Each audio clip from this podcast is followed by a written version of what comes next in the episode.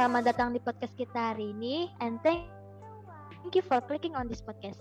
Gimana nih kabarnya teman-teman yang sedang mendengar podcast ini? Semoga sehat selalu ya. Jangan lupa patuhi protokol kesehatan dengan memakai masker, membawa hand sanitizer, dan selalu jaga jarak. Di sini ada gue Andini Sasta dan rekan gue Dandi Arya. Halo Dandi. Halo juga Andini. Gimana nih Dandi kabarnya? Baiklah, walaupun masih ya, kuliah online ini kan jadi sering rebahan gitu ya. Gak apa-apa. Oke. Di sini kita tuh mau ngebahas tentang apa sih Dan? Boleh dong coba jelasin ke teman-teman yang sedang mendengar podcast ini. Uh, jadi kita di sini itu mau ngebahas gimana sih cara struggle di SMK menurut uh, teman-teman yang udah kita tanyain di sini juga kita uh, nge-share pengalaman pribadi dari teman kita yang kita mengenai uh, apa aja sih masalah yang mereka alami di masa SMK itu. Seperti yang kita tahu kan kalau di SMK itu kan kerja magang itu sambil sekolah juga gitu loh. Dan gak lupa juga kita di sini uh, bakal nyampein teori-teori dari psikologi pendidikan untuk mendampingi dari cerita-ceritanya teman-teman kita nanti gitu Iya benar banget. Uh, da, dimulai dari gue dulu kali ya pengalaman dari teman gue yang udah gue tanya ini. Sebut aja si A. Nah, jadi tuh si A ini dia sekolahnya kan di SMK. SMK-nya di perhotelan nih. Nah, terus dia tuh cerita katanya sekolahnya itu uh, ya sama kayak sekolah pada umumnya. Jadi ada teori juga ada praktek. Cuma ya kebanyakan sih praktek tapi pas uh, masuk ke kelas 2 SMK dia itu di sekolahnya itu meminta untuk uh, memilih jurusan. Dia juga nah habis itu habis milih jurusan dia ambillah jurusan kitchen. Dan sekaligus di uh, kelas 2 itu ada yang namanya PKL selama tiga bulan. Setelah um, PKL selama tiga bulan itu dia uh, kelas 3 kan. Nah, kelas 3-nya itu dia melanjut uh, isinya itu kayak cuman tinggal teori-teorinya aja. Jadi udah nggak ada praktek-praktek lagi gitu. Kayak cuman ujian-ujian aja. Terus abis lulus dari SMA ini dia tuh kan lanjut jenjang ke kuliah dia ngambilnya pariwisata perhotelan dan lanjutin lagi yang basicnya ke ke arah kitchen. Nah selama di kuliah ini dia tuh ngerasa uh, hal yang paling terberat dari di magang itu tuh dia uh, kayak pas si A ini ngalamin kerja cuma-cuma kerja cuma-cuma tuh kayak mereka tuh kerja tapi tuh kayak nggak dibayar gitu loh dan. Kayak cuman dapat HP-nya aja terus juga ngeluarin biaya buat um, ngekos kan. Kalau kayak gitu kan magang itu di luar daerah jadinya ada uh, biaya tambahan buat ngekos buat makan gitu kan.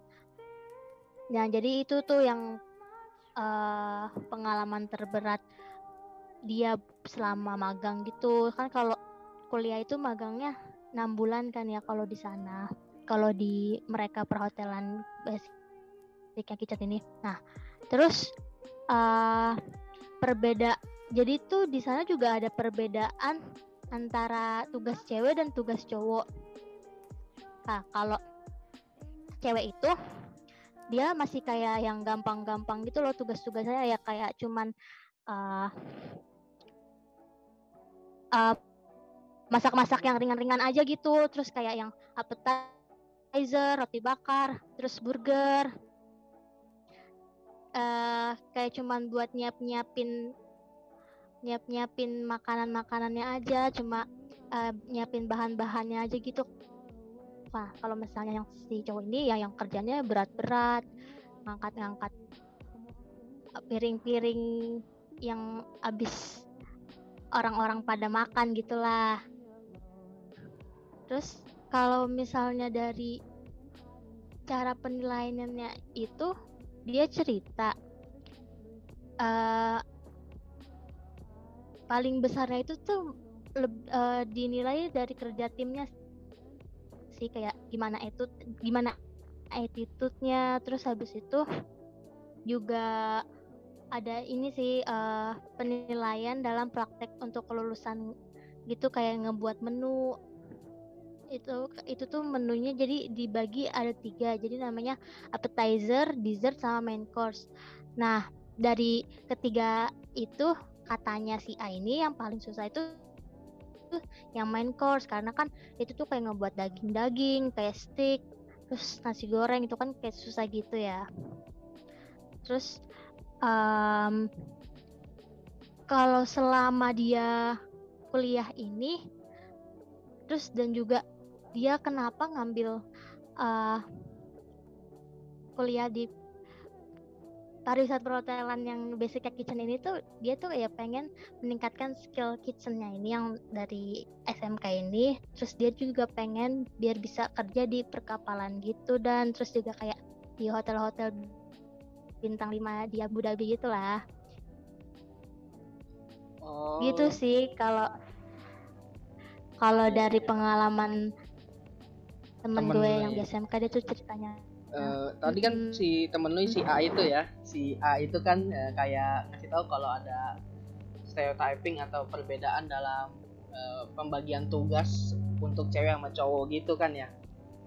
Iya betul. Nah kan kalau cewek kan kayak suruh buat bedain banget tuh. iya iya appetizer doang gitu. Sedangkan yang cowok itu bikin main course atau apa. Terus kalau cewek juga kayak nge-serve nge-serve gitu doang ngasih-ngasih penyajian-penyajian ke pelanggan Hmm. tapi sedangkan yang laki itu suruh kayak ngangkat-ngangkat piring ngangkat-ngangkat eh, bahan-bahan yang berat gitu kan ya Iya betul banget tuh. Jadinya eh, masih di dalam apa ya eh, perhotelan itu masih ada pemisahan gender sih. Masih ketara banget. nah kalau Tugas ada pemisahan antara perempuan ya. gender gitu kayaknya gue pernah ngalamin juga deh Din gue boleh masukin Oh. cerita gue juga gak di sini kayaknya nih bagi-bagi Oh dikit boleh lah boleh boleh banget dong. nah sini tuh boleh kayak silahkan. gue tuh kan kayak pernah eh, daftar atau ikut program part time gitu nah di sana itu ada trainingnya gitu nah di trainingnya itu tuh eh, tugas kita itu dibagi-bagi kayak si A tadi tuh yang cowok ngapain dan cewek ngapain nah biasanya tuh yang cowok itu tuh harus ngangkatin eh, nampan yang penuh sama makanan gitu ke tempat meja pelanggan. Nah sedangkan yang perempuan itu siap sedia aja di meja pelanggan untuk eh, memberikan makanan yang udah diantarin sama yang laki-laki. Ini kan kayak Hmm. yang cowok tuh harus ngangkat-ngangkatin barang yang berat-berat gitu. Nah sedangkan yang cewek eh, cuma sekedar ny- nyiapin makanannya ke meja. Nah itu juga eh, termasuk kayak nggak ada kayak kesaraannya gitu loh. walaupun ada juga cewek yang kuat buat ngangkat nampan penuh berisi makanan atau yang lain-lain dan ada juga cowok yang eh, terampil gitu untuk menyajikan makanannya ke pelanggan-pelanggan gitu loh Ah, iya bener. Jadi masih ada pandangan orang kalau cewek itu nggak boleh ngangkat-ngangkat beban yang berat gitu kan ya. Iya, jadi kayak mah sebenarnya mereka bisa-bisa aja. Iya sebenarnya mereka bisa-bisa aja. Jadi kayak yang cewek harus kerjanya tuh yang eh, nggak seberat cowok gitu lah. Walaupun sebenarnya cewek juga banyak banget loh yang kuat sekarang ini. Gak, gak sekarang doang ya dari dulu ya. Ibu kita Kartini aja kan cewek yang kuat banget gitu ya. Hmm. Iya betul. Eh btw itu lu eh, kerjanya tuh berapa lama? Tiga bulan. Waktu itu sih gue kan part time doang ya, bukan magang beneran tuh kayak trainingnya alah. seminggu terus kerjanya juga paling 5 5 6 hari gitu. Nah, di trainingnya itu loh yang cukup susah gitu biasanya kan karena ngangkat-ngangkat bahannya sebenarnya pas lagi kerja itu nampannya nggak seberat pas latihan. Ngerti nggak? Oh, gimana tuh maksudnya? Jadi itu kan kalau latihan itu kan eh, mangkok atau piring-piring makanan itu bener-bener full gitu loh biar sampai berat banget ngangkatnya. Sampai kalau ada Hmm. kalau goyang sedikit itu ada beberapa lah yang tumpah. Nah, tapi pas lagi udah beneran kerja itu makanannya nggak sefull yang pas lagi latihan gitu.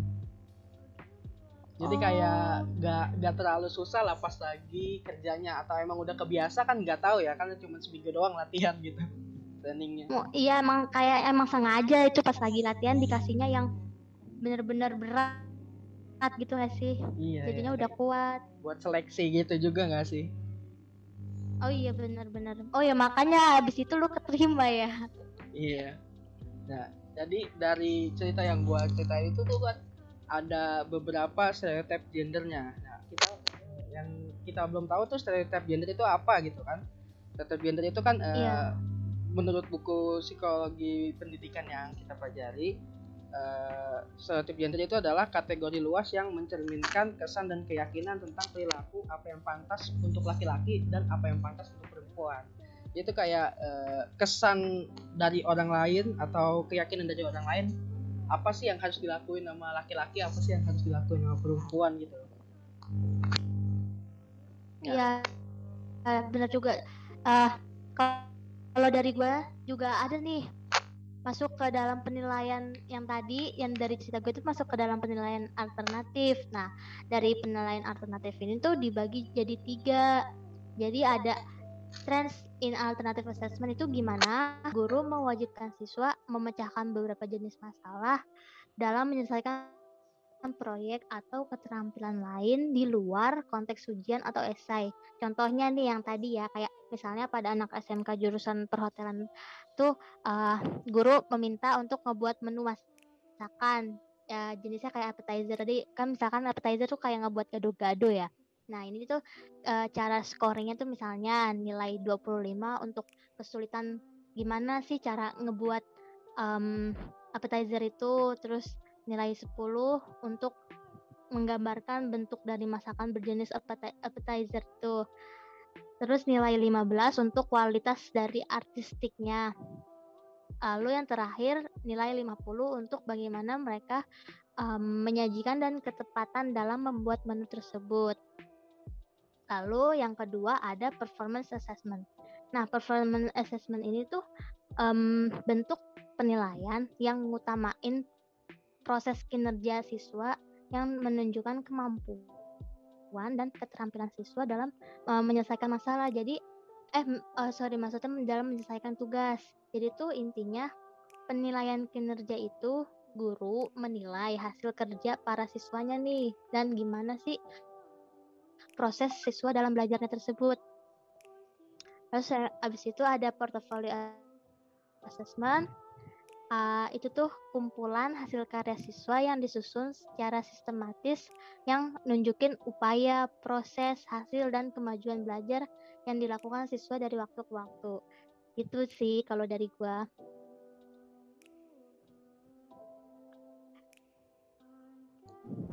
Nah, kalau dari stereotip gender tadi kan kita ngelihat berdasarkan gendernya gitu ya, Din ya. Iya betul. Nah, ada ada beberapa cara untuk memandang eh, gender itu menurut psikologi pendidikan. Ada dua, yang pertama itu ada biologis, yang kedua sosial. Nah, biologis itu kan kayak ya yang sudah kita tahu aja ya laki-laki dan perempuan diperlakukan berbeda karena emang memiliki fisik dan fungsi reproduksi yang berbeda. Sedangkan sosial dibedakan dengan cara melihat konteks sosialnya seperti anak perempuan yang identik dengan main masak-masakan gitu nggak di dulu lo di ini nama mama lo Iya bener.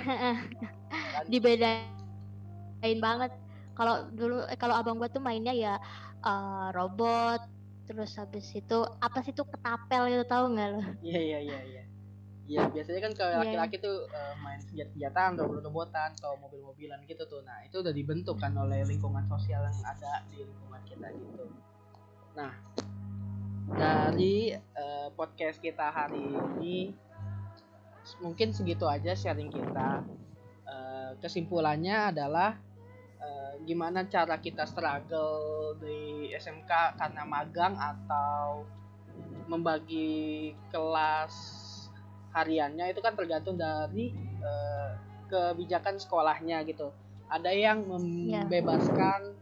Anak eh, sekolahnya itu eh, magang bebas tiga bulan nggak ada teori-teori kelas lagi gitu.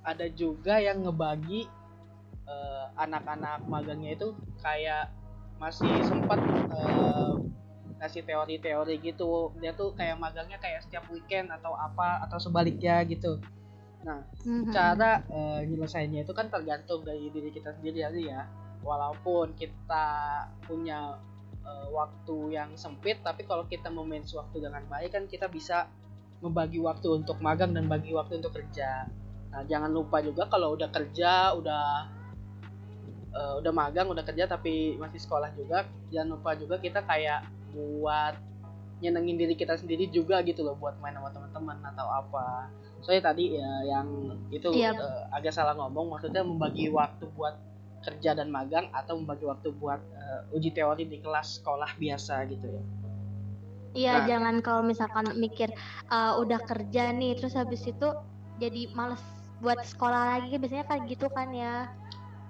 Iya, biasanya kalau udah udah kenal udah kerja kenal sih udah males ya sama sekolah gitu ya. Mm-mm, bener, iya jadinya pendidikannya terlantar kan deh.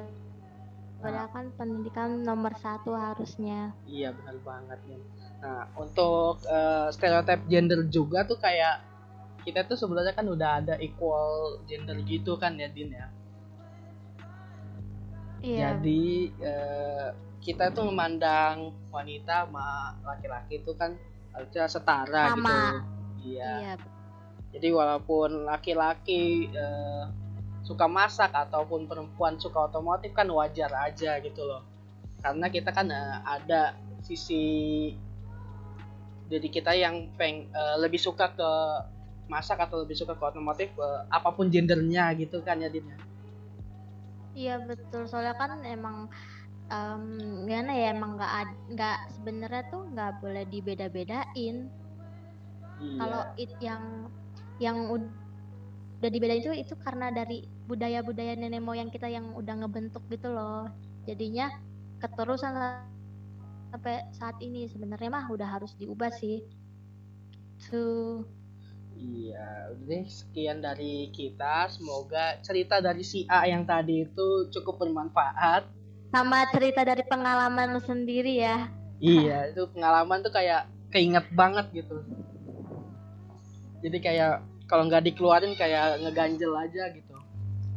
Soalnya iya. sama kan iya tuh sama persis ya konteksnya sama ya udahlah diceritain aja uh, udah sekian dari kita podcast hari ini podcast apa namanya Din podcast Adinda Apa tuh Adinda? eh Andi Adinda apa Ad, Adindi nih?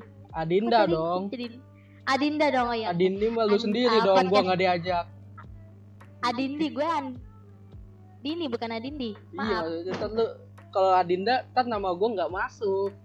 Kan kalau Adin kalau okay, Adinda kan masuk. Okay. Adinda itu uh, foreign invention aja kayak nama podcast kita itu Adinda. Adinda itu kepanjangan dari Adin uh, Andini, Andini sama dan, Dandi. Dandi. Nama lu susah banget sih ya ya udah makasih dari kita berdua. Kurang makasih lebihnya ya mohon maaf. Semoga denger. bermanfaat ya. Bye. Ya, see you. See you, see you.